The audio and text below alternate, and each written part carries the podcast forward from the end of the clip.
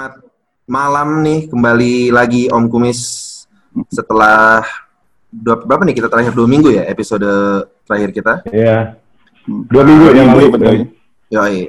Kali ini kita hadir dengan narasumber yang bukan main-main lagi, uh, Pak Nikolas Saputra. Weh, Halo, senang Halo. ada di sini. Apa kabar? baik. Apa kabar? Dan Mas Kenny dan Brian. Asik. Halo. Oke Nick, thank you banget nih udah datang Nick sore eh malam-malam begini.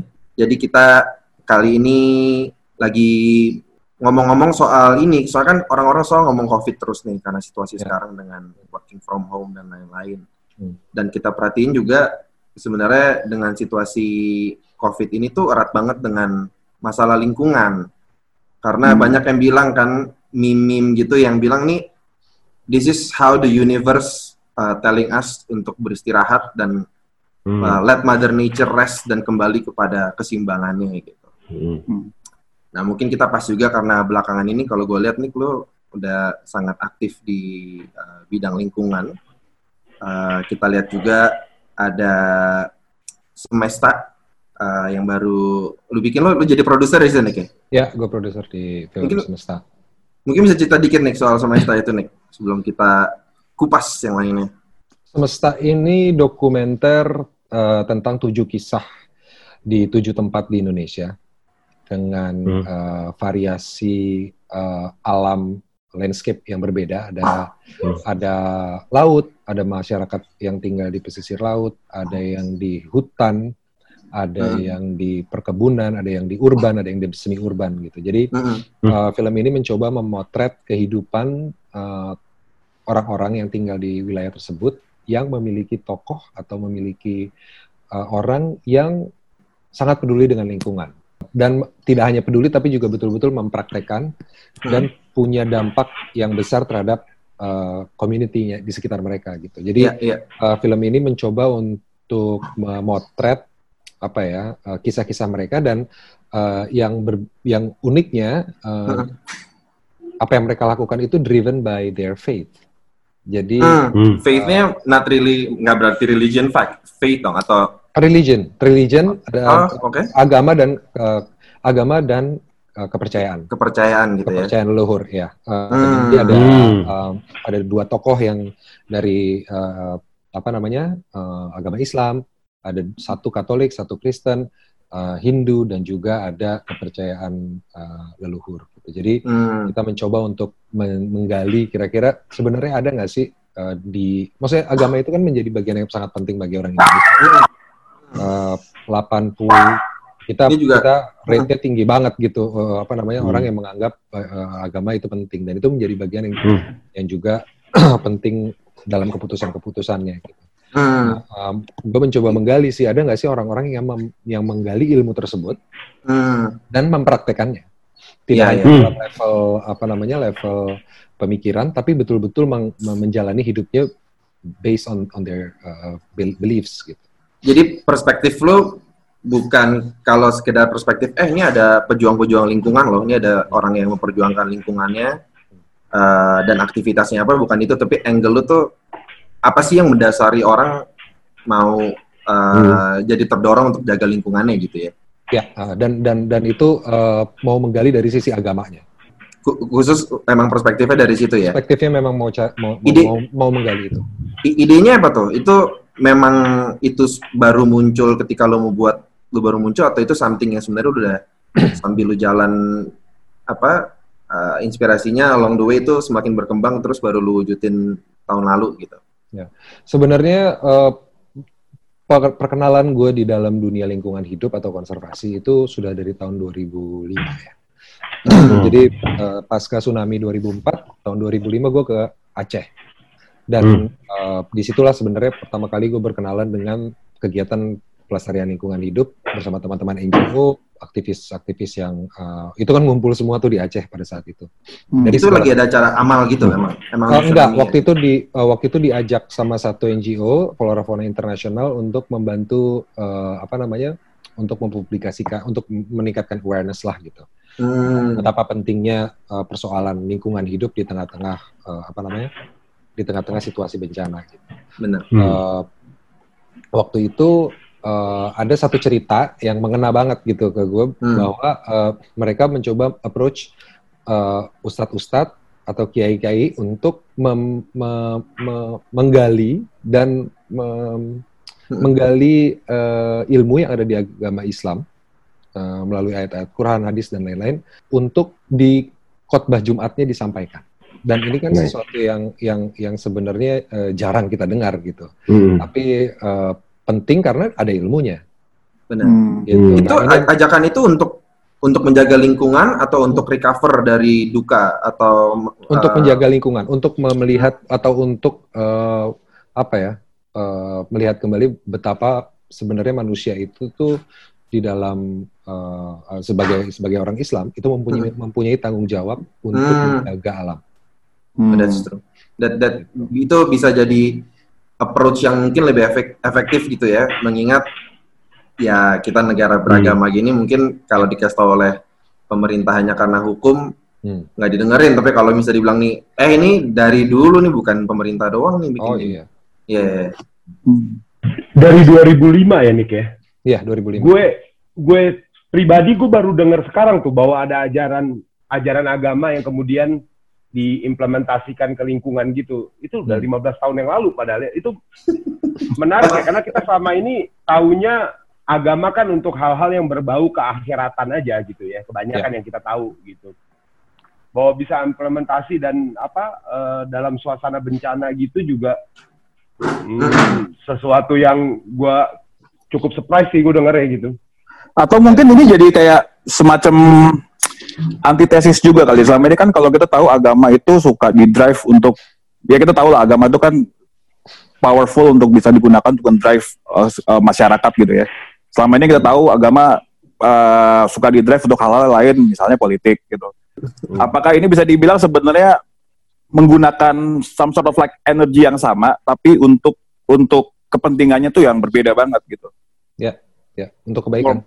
less kayak gitu kan. Nah, itu. Jadi antitesisnya nih selama ini dipakai buat yang enggak-enggak misalnya bisa dibilang, tapi ya ini kenapa drive itu nggak dipakai untuk hal yang lebih positif gitu, untuk hal yang lebih jelas gitu kan. Menarik banget sih, menarik banget. Dan mungkin kalau di Indonesia tuh bisa kena banget ya.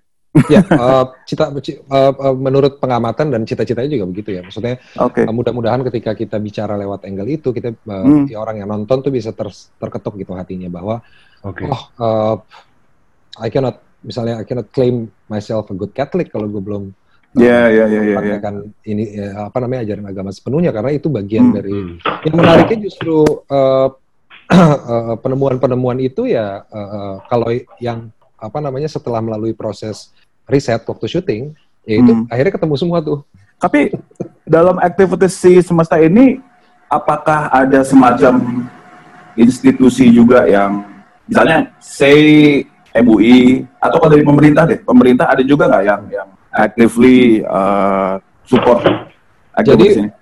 Jadi film film ini adalah kita dapatnya eh, kita ngikut call for proposal dari eh, European Union sebenarnya waktu itu. Hmm. Dia eh, mau bikin film dokumenter yang memperlihatkan keragaman Indonesia dan kaitannya dengan lingkungan hidup gitu.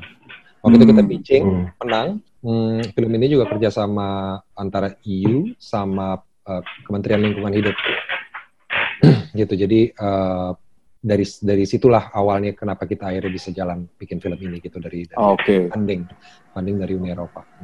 Nah itu itu berarti dari situ ide lu mulai muncul pas lagi 2005 di Aceh. Ya, Kemudian itu mengendap dulu lah ya. mengendap sambil dulu. sambil jalan it's it's always there itu jadi have a special place in your heart gitu kan. Hmm. Kemudian akhirnya lu lu wujudin momentumnya akhirnya tahun lalu apa udah lebih lama lagi nih semester dibuat? Sebenarnya dibuatnya tahun 2018 ya. 2018 eh, selesainya awal 2019, keluarnya baru Januari 2020 kemarin. Hmm. Hmm. Em, apa namanya ya tentu film dokumenter eh, punya tantangannya sendiri ya kalau mau diputar di bioskop gitu karena Hmm. Bukan film yang eh, bi- Ko- yang punya gitu ya. citra punya citra komersil atau citra populer gitu Hmm. tapi eh, syukur banget kita dapat penonton yang eh, lebih dari ekspektasi kita sih dengan keterbatasan bioskop eh, Itu yang lu lu lu masukinnya di mana? Ah, di bioskop? di bioskop Di bioskop terus apa ada streaming segala macam gitu gak? streaming ada eh, gue belum bisa ngomong kap, apa, uh, Hmm, akan, akan. akan ada di bulan Agustus. Oh, oke oke. Selain lu siapa lagi nih yang yang aktif di ini? Jadi produsernya ada dua, gue sama Mandy Marahimin. Emang ini, uh, Mandy my producing partner, kita punya production house udah sekitar enam tahunan. Biasanya memang bikin dokumenter, bikin Hmm. uh, apa namanya dokumenter-dokumenter pendek, ada juga dokumenter Hmm. panjang. Kita juga uh, service apa namanya uh, company yang menerima jasa uh, production service. Jadi kayak misalnya ADC 2 itu Hmm. production Hmm. service-nya uh, dari company kita Oke, oke. gitu. Oh. Jadi kita yang running the, the apa ya kayak kontraktornya lah gitu untuk untuk ngejalanin syutingnya gitu. Hmm. Jadi ada, jadi ada komersilnya juga dong yang maksudnya ada. Ya, Ada- ya kita coba survive lah.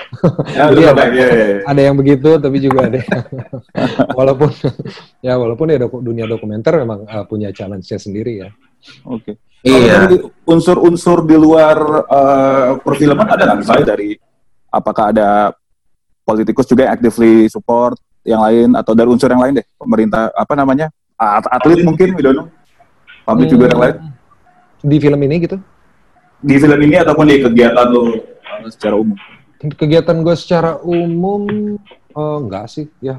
Maksudnya kebanyakan Hmm. teman-teman eh, banyak yang memang pegiat ke lingkungan hidup gitu. oh oke oke Filmmaker juga gitu. Hmm. Tapi di di film ini ada beberapa tokoh yang memang gue kenal sebelumnya. Jadi memang Oh, ini adalah misalnya kayak eh, tokoh kita di Kalimantan Barat di kampung Sungai Utik itu Hmm. itu memang tempat yang sering sekali gue kunjungin Hmm. masyarakat, masyarakat adat di sana. Cuman buat travel aja, cuman datang tinggal di sana seminggu eh, terus sampai dekat gitu sama semua masyarakatnya eh, di sana karena dulu enak nggak ada sinyal. Kadang-kadang emang justru cari tempat yang ada sinyal ya, Ya, most of the time, most of the time gitu lah, gue cari yang pelosok. supaya bener jadi beneran liburan gitu ya. Iya betul. Nah itu lu, lu sejak kapan sih mulai ke tempat yang seperti gitu tuh pilihan tempat liburan? Kalau dulu-dulu kan orang liburan Bali gitu. Wah, ayo, ke mana dari dulu gitu sih, kan. dari awal banget sih. Maksudnya gue dari gue tuh actively traveling mungkin setelah lulus kuliah ya 2005 itu tuh ke Hmm. Aceh gitu, ke Papua, ke Flores, yang daerah-daerah yang jauh jangkauannya dari kota, terus Kalimantan, gitu tuh sebenarnya udah udah dilakukan udah lama banget. Gitu. Nah, di- dibandingin tempat-tempat yang di pelosok-pelosok itu tuh sama lu udah bikin uh, dokumenter semesta ini, yang lu lihat apa sih core of the problem tuh masalah lingkungan ini apa? Kalau gua suspect mungkin orangnya, of course manusia ya.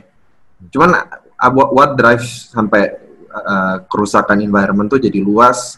Apakah keserak the greed, greed orang, apakah kapitalisme, apakah sifat orang yang cenderung tuh memang nggak peduli dan egois aja gitu. Yang lu lihat tuh core-nya apa sih? Campuran berbagai macam ya, gue rasa sih. Hmm. Ada sistem, Hmm. sistem sistem yang seperti lu tadi sebutkan gitu penggabungan antara itu semua dan eh, memang memang ini kita udah eh, dikasih sisa-sisa perjuang apa namanya kerusakan yang udah lama aja dilakukan memang secara Hmm. ekologis ya secara ekologis memang eh, perusakannya sudah dilakukan cukup lama gitu jadi eh, Hmm. generasi kita sekarang ini ya dituntut untuk menuntut kembali gitu merebut eh, hak kita buat dapetin eh, good quality of eh, of life with a good environment gitu. Dan dan mungkin ini momentum juga ya orang-orang work from home kayak gini recalibrate, reset semua, uh, coba reflect ke dalam diri. It's time, it's really a time to contemplate sih. Uh, maksudnya banyak hal di, di dalam film semua. Ini ini ini kejadiannya tuh uh, apa namanya tahun ini jadi menarik banget gitu buat gua ketika gua setelah bikin film semesta. Misalnya di kisah pertama di film itu adalah cerita di Bali tentang bagaimana Hmm. nyepi memiliki kontribusi terhadap pengurangan Hmm. emisi karbon di Bali, ha- Hmm. pengurangan emisi harian di Bali. Mm, mm, mm, mm. ada 30 ribu ton 20 ribu atau 20 atau 30 ribu ton karbon yang eh, tereduksi dari emisi harian Hmm. Bali. Dan Hmm. nyepi itu kan sebenarnya semacam lockdown ya, Hmm. Iya, iya. Gitu. Betul. Jadi mungkin eh, ada maksudnya gini, masyarakat kita sebenarnya secara turun temurun sebenarnya memiliki ilmu yang yang yang in- ini bukan hal yang pertama kali terjadi kan sebenarnya Hmm. wabah itu sudah terjadi ratusan tahun lalu Ya. berkali-kali dan lain-lain gitu. Pasti ada ilmu yang yang harusnya bisa kita bisa kita uh, lihat dan pakai tapi selama ini kita ignore karena kita Hmm. mungkin uh, apa ya pendidikan atau ilmu modern itu menjadi menjadi utama gitu sementara ilmu-ilmu yang sebenarnya ada di akar akar uh, budaya kita itu sebenarnya bisa harusnya bisa kita lebih dengarkan. Nick, kalau gak, gue gak tahu ya, apakah lu pernah pernah melakukan semacam research juga atau enggak gitu. Cuman isu yang ada sekarang itu uh, di Indonesia kan pasti ada masalah sosiologis juga, ada masalah kesadaran dari masyarakatnya juga yang mungkin belum belum cukup tinggi ya gitu. Tapi it's a global thing nggak sih? Apakah memang somehow kita di Indonesia apa Asia Tenggara itu memang punya kesadaran jauh lebih rendah dibanding masyarakat di Eropa yang dianggap lebih maju atau di Amerika atau sebenarnya sama-sama aja? Uh, kalau begini kita jadi kayak ngomongin dua ya, ngomongin masyarakat dan sistem atau pemerintahan yang yang yang punya sebenarnya kuasa juga dan peran hmm. peran penting juga untuk bisa maksudnya dua-duanya ini harus harus harus harus saling kerjasama gue rasa. Jadi hmm. awareness, consciousness masyarakat itu uh, juga perlu uh, perlu ada, tapi sistem atau governance-nya juga perlu bisa mendukung melalui hukum-hukum uh, dan peraturan-peraturan yang yang pastinya harusnya bisa pro lingkungan pro lingkungan gitu. Hmm. Jadi nggak bisa sendirian, memang harus sama-sama. Hmm. Maksudnya ini nggak hmm. bisa kita nyalahin oh masyarakatnya nggak nggak nggak aware atau masyarakatnya nggak peduli gitu. Gue rasa hmm. sepenuhnya tanggung jawab masyarakat. Tapi hmm. is it uh, less challenging di negara lain misalnya karena mungkin kesadaran baik masyarakat ataupun pemerintahnya lebih baik tentang environment apa sebenarnya? Sama-sama aja bukan bukan kita, masalah di Indonesia di mana. Hmm. kita tuh mungkin masalah uh, kita kita ini sebenarnya uh, kedapatan berkah tapi uh, masalahnya juga uh, menjadi bisa jadi lebih kompleks karena biodiversity kita tuh tinggi sekali. Kita juga alamnya juga beragam sekali. Itu dari laut gunung kebun ada gambut ada daerah pegunungan dan ini variatif sekali gitu jadi uh, masalah kita juga sangat tergantung regionnya Terga permasalahannya tergantung itu jadi uh, pasti setiap negara karena landscape-nya, karena alamnya berbeda juga punya tantangan yang berbeda. Hmm. I see, I see. Yeah, yeah. Uh, Approach-nya pasti udah beda tuh ya kalau negaranya kalau Singapura mungkin masalah alamnya udah ya udah mungkin dikit banget. Kalau misalnya pegunungan dan lain-lain atau yang tingkat konsumsinya apa apa yang dibutuhin mungkin approach-nya udah beda-beda semua tuh ya. Yes, betul. Dan dan mungkin kalau kalau kalau dari semesta itu lu ikut semua ke semua daerahnya tuh Nick by the way. Iya, gue ikut. Uh, jadi waktu riset gue di tujuh tujuh itu hmm. lu datang loh. Ya datang ke tujuh tempat itu gue datang dua kali. Eh, oh, jadi waktu riset gue datang semua tujuh tujuhnya. Waktu syuting gue datang lima. Yang dua gue nggak nggak nggak sempat bisa datang. Itu tujuh apa aja nih tadi? Aceh, Aceh, Jakarta, Jogja, Kalimantan, Bali, Flores, Papua. Hmm. Jadi oke oke. Okay. Jadi nggak nggak nggak semuanya daerah-daerah yang alamnya ini juga ya, maksudnya kayak Jakarta yang udah metropolis juga termasuk yang digarap juga ya. Yang paling akut kayaknya yang mana tuh Nick? Masalahnya.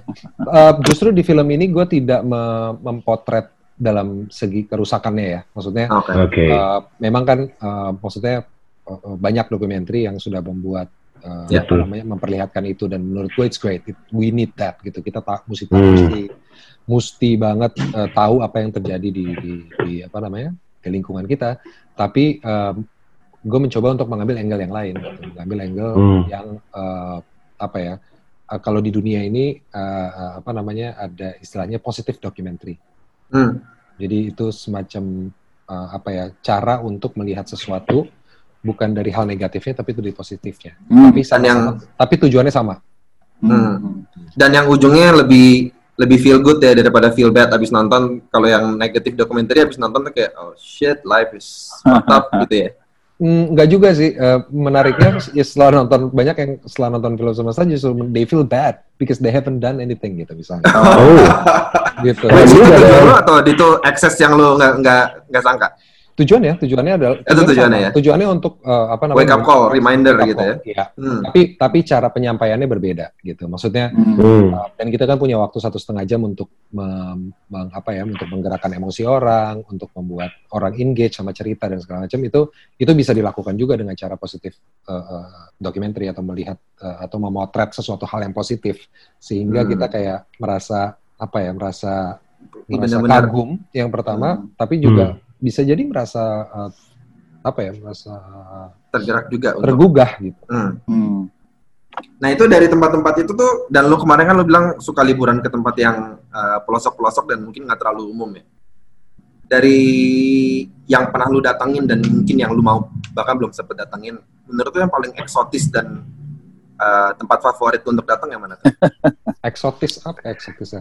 Gue sih gue sih jatuh cinta sama beberapa tempat lah. Hmm. Eh, sampai yang yang paling sering gue kunjungi kembali adalah eh, Tangkahan Hmm. itu Hmm. eh, di Sumatera Utara. Nah, itu gue ngomongin itu juga tuh. konservasi gajah di sana. Ya. Eh, yang kedua Komodo. Oh. Itu dua. Oke. Gue Komodo pertama kali tahun 2006, 2007, Hmm. jadi masih Uh. kosong banget. Itu masih susah lah cari penginapan waktu itu. Hmm. Dan lo nyelam juga. Lo nyelam, ma- masih masih diving gak sih? sekarang udah jarang. Sekarang udah udah setahun kali enggak. Asli. Lagi lagi Udah. banyak fokus di tangkahan soalnya, lagi banyak fokus di hutan.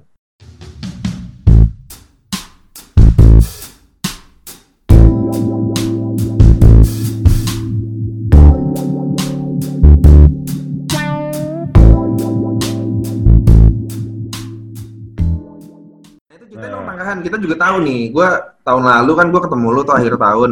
Oh, terus kita ngobrol-ngobrol lah sama Hmm. Ucup. lah. Eh nggak ada ubah waktu itu ya. Terus kita ngomongin soal tangkahan lu. Nih terus yang mau gue ajak teman-teman gue ini nih. Iya. Iya Sama nih. sama kayak ini nih. Oh Brian promosinya kenceng banget tuh waktu itu tangga. Udah Yang tadi siap-siap. kita mau berangkat Januari Februari. Ya. Iya. boleh, Iya. Pak, sekarang. Hmm, hmm. Eh, So. nah gimana tuh? Hmm. Jadi Tangkahan ini sebenarnya salah satu tempat yang gue kunjungin. Tadi kan gue bilang gue pertama kali eh, apa namanya terlibat eh, kegiatan eh, apa namanya konservasi itu tahun 2005. Selain Hmm. Aceh, sebenarnya gue juga ke Tangkahan ke Sumatera Utara. Hmm. Hmm. Di situlah gue berkenalan pertama kali dengan eh, alam yang apa ya yang di depannya tapi kita bisa lihat ada gajah gitu Hmm. yang yang eh, itu kan semacam tempat eh, patroli gajah ya. Jadi gajah-gajah jinak, gajah-gajah rescued elephant itu di, Hmm. di di posting di beberapa tempat yang konfliknya tinggi antara manusia dengan gajah. Jadi biasanya Hmm. gajah-gajah ini Uh. eh, masuk ke dalam kampung, ngancurin kebun, ngancurin Hmm. eh, sawah dan lain-lain. Nah, ditaruhlah gajah-gajah jinak untuk menghalau gajah liar masuk. Tujuannya seperti itu. Oh gitu. Hmm. Sebenarnya itu jadi pagar natural gitu, pagar alami gitu ya. Betul. Dan dengan ada keberadaan gajah kan nggak mungkin sendirian, dia selalu ada Ah. pawangnya. Ah. Keberada dan keberadaannya itu biasanya mereka di ujung perbatasan antara kampung sama hutan. Nah, di Hmm. tempat itulah menjadi biasanya entry point, misalnya poachers masuk, pemburu liar masuk. Hmm. Nah, karena ada Hmm. orang, karena ada pawang, karena ada gajah, biasanya aktivitas itu turun. Atau malah nggak ada, nggak ada yang berani lewat situ lah. ibaratnya. Hmm. Hmm. Iman tadi senyum-senyum kenapa, Man? Apa? Pas ngomongin gajah lu senyum-senyum, Man. Lu kayak pengen nanya sesuatu. Nggak, gue baru unik juga ya gajah. Gajah liar bisa ditertipin sama gajah yang jinak tuh gue baru tahu juga. Jadi mereka kayak nge-block masukin. out gitu nih, kayak. Ah, Jadi, gitu. uh, jadi gajah liar itu biasanya kan kita pantaunya misalnya ada ada jejak ya. Kita bisa lihat Hmm. misalnya ada jejak uh, patroli, melalui patroli, oh ada jejak baru nih. Hmm, mengarahnya misalnya ke dalam kampung atau ke dalam perkebunan. Itu Hmm. nanti eh, apa namanya gajahnya dibawa pawangnya naik ke hutan menghalau.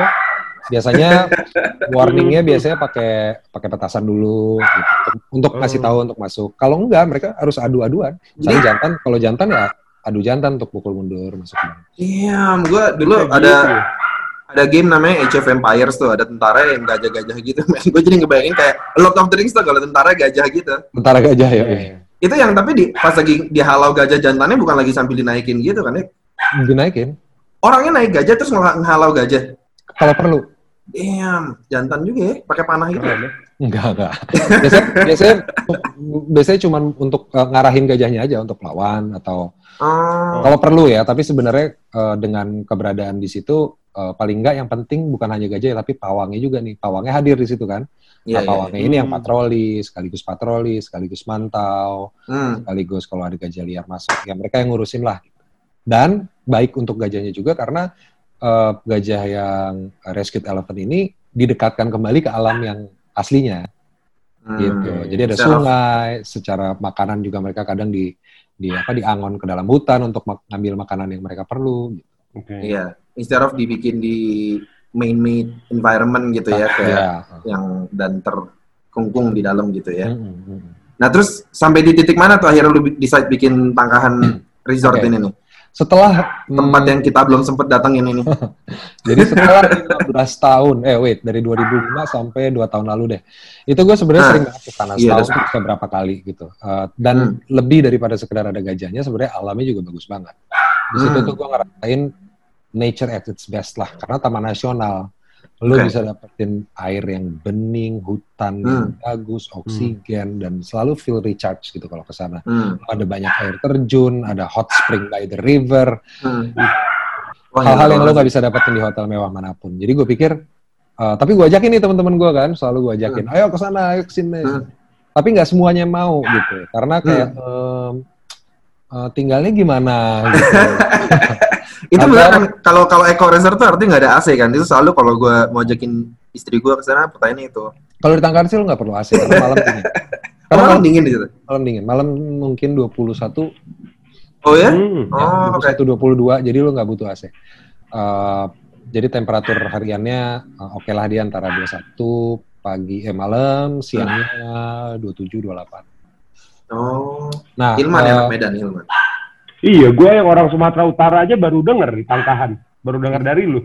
Iya, karena memang sebenarnya eh, belum terlalu eh, lama juga ya mereka mulai ekoturism itu tahun 2000 2000. Sebelumnya eh, masyarakat di situ illegal loggers. Oh. Oh ya? Mm-mm. Jadi ini ada salah satu motivasi lu bikin eco resort itu kah atau Enggak, this is your way untuk ini? Sebenarnya Anticipated. eh, kegiatan-kegiatan eh, tourism di sana itu diinisiasi sama masyarakat. Jadi ini community based tourism. Jadi Hmm. eh, itu yang yang selalu secara personal gue dukung lah gitu dengan ke sana bantu promosi dan segala macam. Cuman akhirnya hmm, sekitar dua tahun lalu gue putuskan untuk bikin rumah di sana. Bikin rumah. eh, terus gue pikir "Hmm, ntar kalau ada teman-teman yang mau datang, masa bikin cuma satu kamar gitu. Bikinnya tiga. Gitu. Pas udah tiga, masa nggak ada tempat nongkrongnya, bikinnya tempat nongkrong. Gue pikir-pikir, Hmm. ini kalau misalnya kompleks begini kayak gue mesti cari arsitek yang bener nih untuk desain Ah. yang bagus kan. Nah, Ya, setelah eh, Mas Andra Matin, kebetulan Asik. di Jakarta, iya. arsiteknya dia gitu. Jadi Oke. kok jadi makin serius nih gitu. Terus oh yaudah deh, gue coba seriusin. Nah, kenapa gue mau bikin penginapan di sana? Itu Hmm. karena gue pengen mengundang atau memancing orang-orang yang karena kan sebenarnya kebanyakan yang datang ke sana kan turis asing, eh, apa namanya, atau masyarakat lokal, masyarakat sekitar Tangkahan dari Medan. segala macam. Nah, eh, teman-teman dari Jakarta, Singapura, Malaysia yang eh, ingin eh, apa namanya level comfortnya lebih, Hmm. itu juga bisa datang ke sana. Dan orang-orang ini adalah orang-orang yang menurut gue juga punya peran untuk bisa membantu paling tidak tersadarkan tentang eh, eh, apa namanya tentang awareness atau consciousness tentang lingkungan hidup gitu. Dan Hmm. ini terbukti sih, maksudnya setelah gue bawa beberapa temen yang kayak, hmm, eh, Nick, gue four seasons kind of girl ya, jadi nggak nggak gue, jadi kalau gue komplain jangan jangan jangan apa namanya jangan jangan Agak- bete gitu. Iya, iya, iya. Tapi ternyata dia ngerasain, wow, this is the true luxury. Karena lu Hmm. bisa dapetin hutan dengan air yang bagus, dengan suara dan ya, dan dan kemewahan alam yang lain lah gitu. Nah, hmm. Tempat gue mencoba untuk memfasilitasi paling tidak eh, kamar yang bagus, yang nyaman, yang bersih, yang kualitasnya juga baik, sehingga you name it, siapa pun can be comfortable living there, gitu loh. Jadi Hmm, mau itu hmm. potential donors, mau itu orang yang selama ini tidak pernah bersentuhan dengan alam karena alasan, uh alam repot, susah. Mm-mm. This is the place. This is the place for you to be Hmm. untuk mengenalkan diri lo dengan alam gitu. Jadi kalau pertanyaan kamar mandi bersih tetap bersih, nggak bukan berarti jadi mandi di pinggir kali kan ya, di mesti di bukan berarti Oh, mandi di situ. Karena Walaupun boleh aja. walaupun boleh aja dan airnya bagus banget gitu. Cuma Lebih bersih dari air mandi di Jakarta ya. pasti karena eh, tapi tapi limbahnya sih limbahnya. Jadi eh, di penginapan gue Hmm. gue bikin eh, sistem eh, apa namanya gue ada ada shampoo sabun yang yang organik eh, materialnya. Oke. Jadi lo pakai itu, terus juga kita eh, apa namanya sebelum jadi kita masukin sistem pembuangan airnya itu kita bikin filter untuk penyerapan dulu ke tanah gitu baru Hmm. dulu kalau blueberry eh, eksesnya baru kita buang ke sungai jadi nggak kita mencoba untuk tidak mencemarkan eh, lingkungan juga gitu. Hmm. Hmm. Nah ini kadang-kadang kalau kalau orang suka bikin eco resort, eh, itu kan awal-awalnya tuh kayak misalnya say di Raja Ampat gitu, awalnya kan semua eco resort. Tapi kan akhirnya karena alasan ekonomis atau memang demand masyarakat yang makin tinggi, lama-lama eco resort itu jadi tergeser gitu kan. Yang eco resort tuh biasanya ngebuka pintu tuh ke daerah situ tuh. Pak Hmm. Raja Ampat nih, wah eco resort, eco resort orang jadi ke sana. Tapi lama-lama karena orang mak- ke sana makin banyak, makin banyak, lama-lama nggak tahu juga. Chain hotel juga udah pada ngantri juga pengen buka di sana. ya. Iya, iya. Nah, lu gimana nih menurut lu tangkahan ke depannya dan lu apakah lu berusaha proteksi?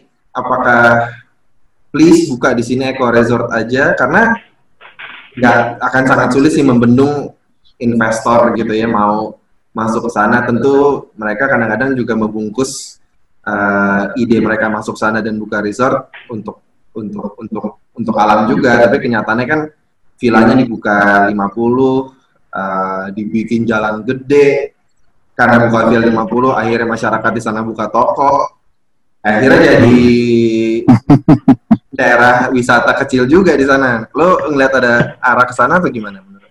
Sebenarnya eh, yang menjadi kekuatan tangkahan salah satunya adalah community base itu ya. Jadi mereka sadar betul, mereka tidak ingin eh, menjadikan, eh, maksudnya ingin menjadikan tangkahan itu tetap eh, berwawasan lingkungan, karena juga sangat berdekatan dengan Taman Nasional kan. Jadi ini sebenarnya ada di tangan masyarakatnya, masyarakatnya sih. Masyarakatnya selama ini eh, menjaga itu supaya nggak tereksploitasi berlebihan gitu misalnya, atau eh, supaya orang juga membangunnya dengan dengan kesadaran lingkungan yang baik gitu. Sebenarnya Hmm. eh, ininya ininya eh, perbedaannya mungkin eh, kekuatannya masyarakat yang bisa tentukan. Karena ini eh, benar sangat di drive sama masyarakat ya. Jadi eh, dan untungnya masyarakat sana yang dulunya illegal loggers, Hmm. mereka justru me- mem- apa namanya mengubah mata pencarian mereka dari ekoturism. Iya. Menariknya Hmm. dan pengetahuan mereka tentang hutan ketika mereka eh, ngambilin eh, nebang hutan dan segala macam itu dipakai Hmm. untuk nge-guide. Jadi mereka Hmm. tahu spot spotting binatang di mana, semua Hmm. tanaman untuk survive mereka tahu, mereka bisa cerita itu ke orang yang datang gitu. Jadi eh, dulunya mereka begitu, sekarang justru malah ibaratnya mereka udah sadar, tersadar. benar Dan ini yang mau mereka jaga. nah makanya memang driver dari eco resort ini mungkin efeknya untuk masyarakat sekitar kan dia jadi di- dikasih alternatif lah Ya.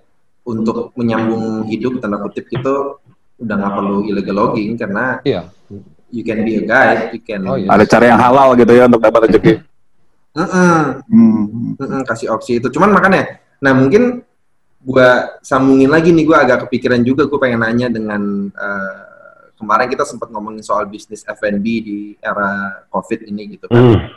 Nah kalau tourism gimana nih? Eh, tentu di dengan apa ya dalam konteks ini gimana mempertahankan penghidupan masyarakat yang nanti pindah ke illegal logging lagi mereka. Ya sebenarnya eh, ini hal pertama yang gue eh, sadarin dan juga gue khawatirkan gitu ya. Hmm. Eh, pariwisata akan menjadi yang dihantam nomor satu karena Hmm, betul. Iya. not the time to travel kan dari Mm-mm. kemarin-kemarin.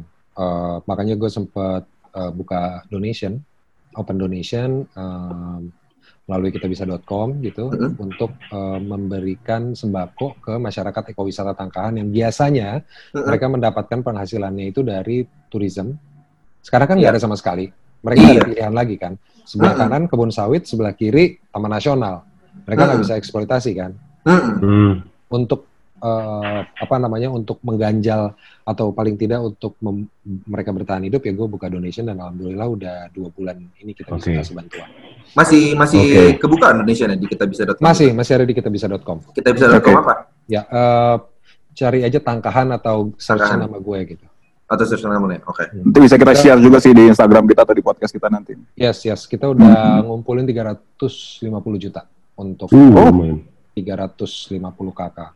350 KK. Oke, oke. That's Jadi cool, dua bulan ya. ya untuk dua bulan eh, nanti eh, dikirim lagi minggu minggu depan deh, minggu depan. Oke.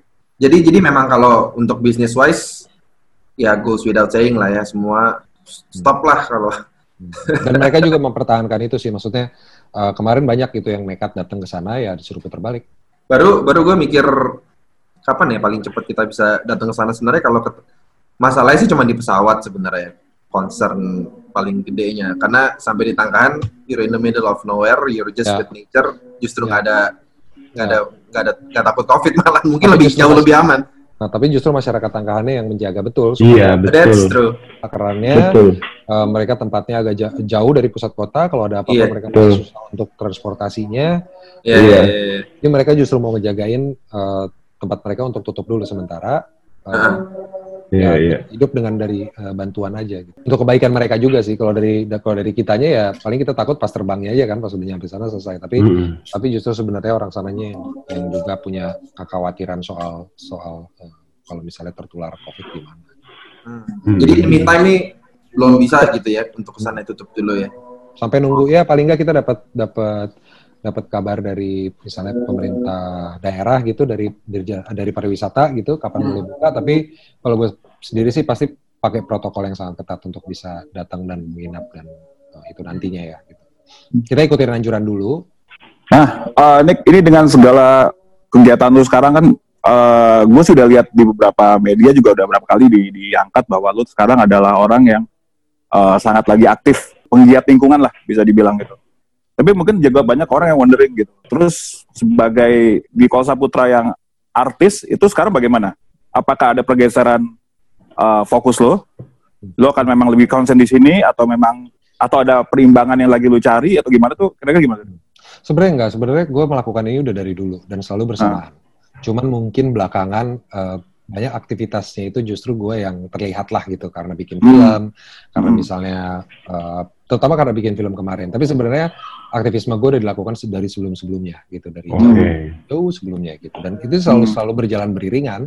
Hmm. Yang masyarakat tangkap mungkin atau orang tangkap ada pergeseran gitu ya. Tapi sebenarnya Hmm. gitu. Cuman dulu memang gue nggak terlalu suka eh, apa ya tampil di depan Hmm. ngomong gitu. Itu itu Hmm. itu bukan ya gue lebih lebih lebih volunteering sifatnya bantuin NGO sana, bantuin aktivis eh, eh, apa sebuah kegiatan di sana, bantuin kelompok Hmm. masyarakat di mana dan itu hmm, apa namanya ya ya banyak yang enggak dan menurut gue juga nggak perlu diceritain ke publik. Hmm. Tapi bagaimanapun juga kan lu mulai memang waktu itu sebagai aktor ya, sampai publik tahu siapa Nicole Saputra gitu. Nah, lu sendiri melihat hal itu apakah menjadi suatu hal yang advantage advantageous buat movement yang lagi lu gerakan sekarang atau gimana? Apa jadi challenge tersendiri juga? Eh, enggak sih, justru gue merasa eh, harusnya bisa, maksudnya setiap orang harusnya bisa punya perannya masing-masing gitu Hmm. dalam sesuatu cause atau sesuatu hal yang mereka peduli ya, social Hmm. cause eh, melalui ya maksudnya melalui critical thinking kita gitu yang Hmm. yang harusnya kita tuh punya satu hal yang kita concern gitu. Kebetulan gue lingkungan. Ada ada teman-teman lain juga yang misalnya concernnya lebih ke soal eh, misalnya soal gender, hak, soal eh, bermacam-macam lah hal-hal yang, Hmm. yang yang yang yang apa namanya yang yang memang harus diberikan perhatian gitu. Nah, Hmm. eh, dan dalam bidang pekerjaan apa pun harusnya menurut gue kita punya itu gitu. Hmm. Jadi not, not necessarily true kalau orang bilang enakan beken dulu nih baru kita melakukan suatu kegiatan yang eh, yang kita yang kita punya misi yang bisa kita capai gitu. Not necessarily seperti itu ya.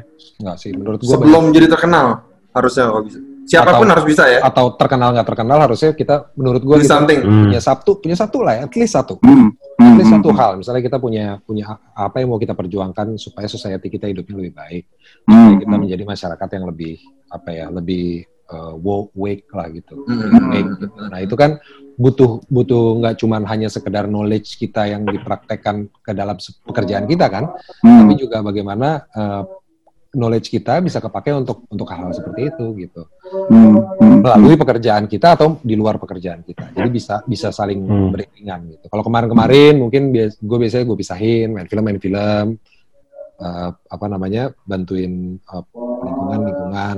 Kalau sekarang misalnya gue jadiin satu jadi dari dari film dan lingkungan jadi satu film gitu misalnya. Hmm. Dan sebenarnya pilihan aja, pilihan dan ya sesuai kapasiti dan kemampuan kita juga. Dari dari dari ini nih, dari aktivitas selama ini, pernah nggak lo ada hal-hal yang ternyata lu sampai bersinggungan dengan ya eh, walaupun lu bilang ada juga kan orang-orang orang-orang legalnya di yang yang yang support juga ya di aktivitas pernah nggak ada ada hal yang eh, lu nggak sadar wah oh ini ternyata ada isu hukumnya atau enggak lu malu pengen tahu ini kalau kayak gini ada isu hukumnya apa enggak ya pernah nggak ada isu-isu yang Ya banyak sih rasa penasaran gitu ya tentang Ah. sebenarnya hukum di Indonesia tuh eh, peraturannya gimana. Misalnya kayak dokumenter, apa sih Hmm. peraturan kita eh, sama nggak sih bikin dokumenter dengan jurnalistik misalnya dalam Hmm. hal misalnya mendapatkan eh, berita atau mendapatkan komentar seorang, boleh nggak sih kita jadikan eh, film eh, atau kita rekam lalu jadiin film lalu dikomersialisasikan gitu. Aturannya tuh Hmm. seperti apa sih? Selama ini kan kita peng- pengukurannya ya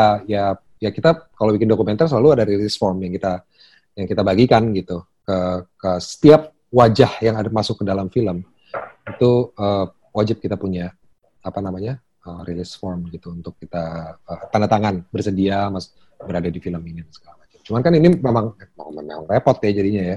Cuman boleh nggak sih kita sebenarnya ngambil dari mana gitu? Ngambil dari urutannya tuh gimana sih? Uh, apa namanya? Ukurannya tuh gimana sih? Bolehnya apa enggaknya gitu? Misalnya dari TV. Kalau gue sih ngebayangin itu approach-nya pasti kayak kayak US approach ya. Um, pakai a very high standard dan very konservatif. Jadi semua orang yang mukanya akan muncul nanti di film lo di di di di, di, di, di dokumenternya itu diminta prior approval dulu. Gue rasa sih kita di sini gue kebetulan gue gue sih belum belum pernah tahu Hilman atau Kenny untuk uh, kasih advice soal bikin film documentary. Tapi I would imagine di kepala gue sendiri tiap kali gue nonton film documentary gue cuma ngebayang gila nih aspek legalnya nih orang-orang ini pasti satu-satu mesti diminta release form yang kayak lu bilang gitu. Nih ternyata bener emang emang gitu ya lah kira pakai itu harus pakai release form. Kecuali misalnya gue nggak tahu deh nih ya. eh, kalau di Amerika kan suka kadang-kadang by phone tuh. By phone ada orang telepon dari sebelah sana tapi dia kok bisa rilis gitu. Padahal kayaknya orangnya itu nggak mau sebenarnya di interview atau Benar. Sebut gitu. Nah ini sejauh apa sih kita tuh boleh di Indonesia gitu bikin kayak gitu gitu. Hmm. Apakah Sebenarnya- misalnya peraturan juga misalnya kayak seingat gue ya, correct me if I'm wrong. eh, kalau nggak salah di Australia itu peraturannya public figure in public spaces itu boleh lo ambil suara dan eh, apa namanya dan gambarnya gitu. Hmm. Sebenarnya sih mungkin uh, gue juga nggak terlalu yakin apakah ada yang belum sampai spesifik itu di Indonesia pengaturannya. Cuman kayak tadi lu bilang kan praktis yang dulu lakukan adalah kalau dokumenter uh, orang-orang yang masuk di dokumenta uh, di dokumentasi itu lu biasanya udah minta semacam uh, approval dari dia kan. Tapi kalau kita mau lihat lagi dari aspek uh, prak- apa teori hukumnya juga, kalau misalnya ada orang yang memang lo kecuali lu ambilnya diam-diam ya. Nah, ambil diam itu tuh em- emang by by by nature tuh nggak boleh tuh kita kita uh, ngerekam orang diam-diam uh, kita ajak dia ngobrol dia nggak tahu kita rekam itu pidana tuh Uh, ada ada unsur pidananya. Kan itu kan jadi kayak ada unsur penjebakannya dan sebagainya kan. Kalau tapi kalau misalnya dia tahu ini untuk di untuk uh, suatu dia di interview untuk suatu uh, apa namanya produksi tertentu dan dia udah tahu itu dari awal terlepas dari dia ada rilis apa enggak fakta bahwa dia sudah memberikan keterangan depa- uh, saat lu rekam aja itu sebenarnya sudah bisa dibilang kayak silent consent dari dia juga Makanya konsep ini juga mungkin yang serupa sama yang Niko tadi bilang di Australia. betul ya kalau betul. lu udah muncul di depan umum, lu ngomong depan orang, ya ya of course lu udah punya understanding kalau orang punya akses ke gambar itu dan informasi itu gitu loh. Mm-mm.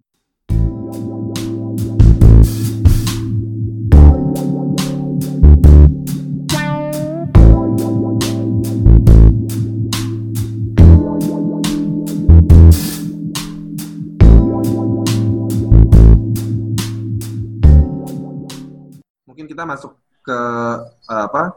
Pertanyaan Q&A nih. Kita ada kita sempat bikin polling kecil-kecilan. Hmm. Hmm. sorry Gitu. Siapa tahu ada yang mau nanya-nanya gitu. Satu pertanyaan ada yang lucu nih, ada yang nanya, lu pernah dipanggil Leonardo DiCaprio-nya Indonesia gak? Di jalan gitu. Eh, oh enggak, orang random, random. Ada yang nyebut-nyebut gitu ya. Agak panjang ya. Eh, Leonardo DiCaprio Indonesia ya? bukan bukan Mungkin karena Leonardo DiCaprio itu kan ke sini ngata-ngatain hutan kita segala macam gitu kan, aktivis lingkungan. Gitu. Iya, iya. Dan kebetulan dia juga ke perginya ke tempat gajah gitu ya. Mm-mm, mm-mm. Oh gitu. Oh. Itu bukan bukan bukan Pangkahan tapi ya? Bukan, Iya, bukan di-. Itu di Aceh, di Aceh. Sebenarnya juga Oke. tempat yang beberapa kali gue udah kunjungin sebelumnya gitu. Tapi I assume jawaban lu berarti enggak ya? Enggak sih. Nah, itu kok Tangkahan berarti kan tadi lu bilang resortnya cuma tiga ya, sebenarnya tiga kamar ya. Penginapannya, eh, maksudnya penginapan yang gue punya itu ada tiga kamar. Tiga bungalows lah. Tiga lodge. Tiga bungalows. Kemudian soalnya banyak juga tuh yang lihat foto-foto di Tangkahannya kan menarik banget, bagus, tapi nggak kelihatan berapa, seberapa gede atau se- kapasitasnya bisa banyak atau enggak sih gitu kan. Jadi Ya, orang maksimum maksimum 9 orang. Eh, Hmm. eh, terus eh, penginapan yang lain juga sebenarnya banyak. Hmm, Penginapan oke. yang lain ada sekitar 20 penginap, 15 penginapan Oh. gitu. Dan ini eh, pemiliknya masyarakat setempat biasanya. Nah soalnya mereka tuh biasanya ngeliat-liat itu tuh ngeliat dari foto-foto dari Instagram lu kan ngeliatnya kan. Ya. Oh ini foto-fotonya banyak dan mereka ngebayangin. Dan mereka juga komentarin juga tuh komentar lu apa foto-foto itu bagus-bagus banget dan al- tentang alam semua kan. Hmm. Yang foto-foto yang lu taruh di Instagram. Tapi nggak pernah ada orang lain tuh nggak pernah ada kelihatan ikut tuh pasangannya siapa di situ. Nah, gajah-gajah itulah. Gajah-gajah itu sekarang ya. untuk Gajah-gajah Untuk sementara ini. menemani gua. wah gajah- gajah-gajah yang beruntung banget. Gak soalnya gini nih, ada pas tadi gue sempat ngomong sama satu temen gue kan, gue bilang nih gue Wah, ini pengen dialus dihalus-halusin sama Kenny nih biar biar Oh, suasana nggak terlalu awkward. ya gue gue bilang ada soalnya gue tahu ada satu temen gue tuh ngefans banget sama lo, terus Hmm. Gue bilang gue mau interview Niko Saputra, lo ada pertanyaan nggak nih kira-kira gitu kan? Cuman ya gue udah, ya gue udah expect lah pertanyaan nggak mungkin pertanyaan-pertanyaan yang lo nggak pernah terima dari tabloid-tabloid juga ya. Cuman satu yang menarik tuh dia bilang gini, Tabloid soalnya, anak lama banget emang masih ada. oh ya sorry, ya, There's no such thing as tabloid anymore, man. sekarang ngomongnya apa ya? Bukan tabloid ya? Gak ada lah apa ya. Udah nggak ada. ya? Infotainment habis tabloid Detik hot, detik hot. Detik Clickbait news. Clickbait juga nih. Detik hot bilangnya. Cuman mereka bilang dia bilang gini, Deko Saputra itu tuh orangnya misterius banget. Dia pengen tahu, lu itu memang memang lu sendiri sebenarnya memilih untuk image misterius lu itu atau memang orangnya seperti yang kayak ya lu nggak terlalu suka apa ya namanya nggak terlalu suka mengekspos diri lu sendiri terlalu banyak Hmm. ya kan Iya banyak sih. juga artis yang memang di-create ya image-nya memang ada yang di-create nah itu mungkin yang dia pengen tahu kalau Niko Saputra tuh sebenarnya who is the real Niko Saputra gitu Ya, gue sih me- me- maksudnya ingin selalu memisahkan eh, diri gue dan pekerjaan gue ya. Maksudnya hmm. ya gue memang gue tuh sebenarnya yang ada di kepala gue, gue, gue pemain film Hmm. Gitu dan tugas gue adalah ketika bermain film adalah untuk bermain film, untuk acting, Oke. untuk Ya. menghidupkan karakter gitu. Hmm. Eh, ya ya itulah itulah pekerjaan gue gitu jadi eh, pekerjaan gue gue merasanya bukan bukan eksploitasi atau eh, mengeksploitasi eh, diri gue ya. Hmm. Hmm. personal life ya. personal eh, karena Hmm. itu ya that's that, Hmm. that's that's the thing that I can own gitu Hmm. Itu urusan itu- lu, urusan lu sama gajah-gajah lu ya. Ya, jawab lu untuk kan temen lu tuh ini tipe tapi pertanyaan. tapi gini tapi gini Oh, iya. maksudnya memang gue eh, belakangan sadar atau ya sebenarnya gue juga sadar gue introvert gitu sebenarnya Hmm. Hmm. Lu bi- bintang lu apa sih nih? Pisces Wah, jadi bintang. it's such a Pisces thing, man. ah saya enggak. Kayak ganti Introvert. Bray. tapi banyak banyak tapi banyak Pisces yang ekstrovert juga. Gue gue gue Gitu ya? kayaknya lebih introvert sih. Kalau Sio lo apa Sio? Tikus tikus. Tahun gue Gue nih. nggak ngerti sih apa hubungannya. Oh, lu cuma nanya doang anjing. Terus oh ya, tahun lu, tahun lu, tahun lu. Tahun gue. Hmm. ya sama satu tadi itu sih pertanyaan pertanyaan ini juga pertanyaan Ale juga. Eh yang tadi Brian tanya sih. Soalnya agak banyak yang nanya itu nih. Sebenarnya gue gimana sih? Yang tahu ya teman-teman dekat gue lah biasanya. Hmm. Iya. Kapan eh, emang belum mau atau kira-kira kapan dan satu lagi pertanyaannya sebenarnya ya kayak gimana sih yang lu cari itu standar banget ya sih pertanyaan itu sebenarnya. Apa sih ini pacar? eh, pu- Pasangan. pasangan. Eh, seperti apa sih yang lu cari standar sih ya? Standar Yang baik, yang baik sama perhatian. ya? Gue sih gue pokoknya eh, sekarang nggak fokus ke situ ya kayaknya. Dulu Ah. sempat mikir-mikir kayak, oh I think it's time kayaknya gue. Hmm. Ah, Sekarang tuh- udah pada kelewatan momen itu dong orang-orang di yang itu momen lu udah lewat sekarang ya. Udah Like, lewat sih. Yang pas you think it's time, ah girls. Hmm. Standar-standar gua- pressure-pressure orang tua tuh udah lewat tuh. Udah nggak ada. Gue kebetulan juga eh, apa namanya di keluarga nggak bukan yang tipe setiap lebaran ditanyain kapan kawin. Itu hal yang, Hmm. Oh beruntung sekali kalau gitu ya. tidak pernah ditanyain gitu. Eh, beneran beneran dan dan kayak Iya. misalnya om gue tuh baru nikah umur 34 gitu. Hmm. dan itu nggak pernah menjadi masalah gitu. Eh, Hmm. Saya nggak pernah nggak pernah menjadi isu. Jadi pressure dari keluarga nggak ada. Terus eh, teman-teman juga gue kebanyakan teman-teman deket lu tahu sendiri Bray kita juga banget gitu nah, ngadepin ngadepin ini dan dan, dan ya udah ini lagi nikmatin nih lagi enak-enaknya seketemunya lah menurut gue sih gue nggak Hmm. nggak nggak nggak nggak yang nggak yang harus eh, maksudnya nggak nggak yang ngejar harus kapan target juga enggak tapi juga Hmm. nggak yang menutup gitu Hmm. Soalnya, soalnya kalau pas lebaran nggak ditanya gitu, Kenny sekarang masih single mungkin ya kan? Iya. Enggak sih. Enggak gitu ya. Deh, Pak.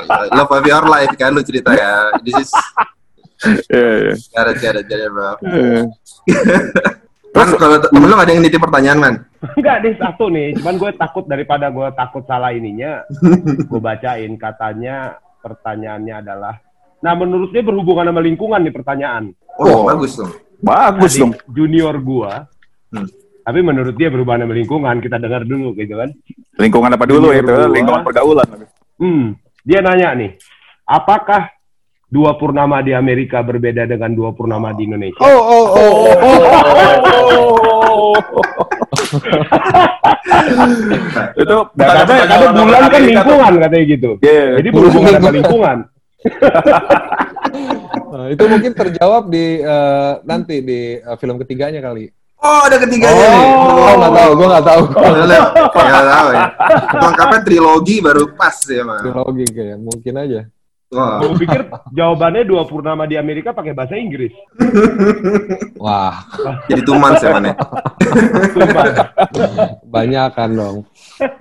Itu doang pertanyaan ada lagi Itu nggak ya? Eh, semua berhubungan dengan peran-peran lo di film. Hmm. Wes, Ini ini dari siapa? Teman-teman? ini satu orang namanya Reni nanyanya untuk eh satu orang nggak ada dua pertanyaan. Oh, dia minta namanya disebut ya, Man? ya? gue sebutin aja biar bangga, biar orangnya dengerin ya kan. Orang. Tapi secara legal tuh gimana sebenarnya? Eh, izin. Dia udah ngasih konsen, dia udah ngasih konsen. Ini sarjana hukum semua juga sih nanya aman. Nah, oke.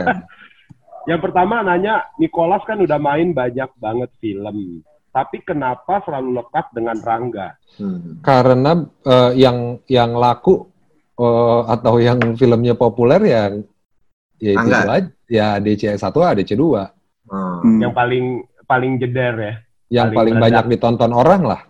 Hmm, hmm. Yang lainnya Itu- ya banyak kan film art. Sebenarnya film gue juga nggak banyak deh. Gue main film paling 12 13 film lah gitu selama Kok ini temen temen gue ini menghitungnya lumayan sampai 20. masa ya? Wah. Kalau dihitung Itu- dengan itu- teasernya lain gitu. dia, dia lebih kayaknya dibanding lo. Kayaknya lupa Berapa kali, berapa Gue- kali nonton ADC kali? Tiga kali nonton. Tiga film. Dia itu satu Dua kali nonton dia bilang, eh Nicholas main lagi nih dia. Yang sama. Gua eh, sebenarnya main film dari tahun 2001 ya. Itu udah berapa tahun tuh? Hampir 20 tahun ya? Eh, Ya, udah buat tahun. Oh iya, 20 tahun. tahun, 19 tahun. Gue main film cuman Hmm. paling seinget gue kayaknya setahun sekali atau malah dua tahun sekali gitu. Sebenarnya nggak banyak Hmm, sih hmm. gue main film. Eh, kebetulan aja dua film itu yang penontonnya banyak banget gitu. Hmm. Eh, yang lainnya ya misalnya kayak 50% film yang gue mainin sebenarnya film misalnya art house cinemas gitu. Film-film yang Hmm. memang punya niche market. Terus eh, ya ya ada juga yang yang secara jumlah nggak nggak banyak. Jadi wajar aja sih kalau orang melihatnya gue sebagai karakter itu karena ya ya dua dua film itu yang yang penontonnya paling banyak. Jadi jadi masalah gak buat lo? Lo diidentikan dengan Rangga atau lo jadi kendala bagi lo untuk create a new may- maybe if you have a new role gitu kan di- lu jangan lihat sebagai Rangga dong.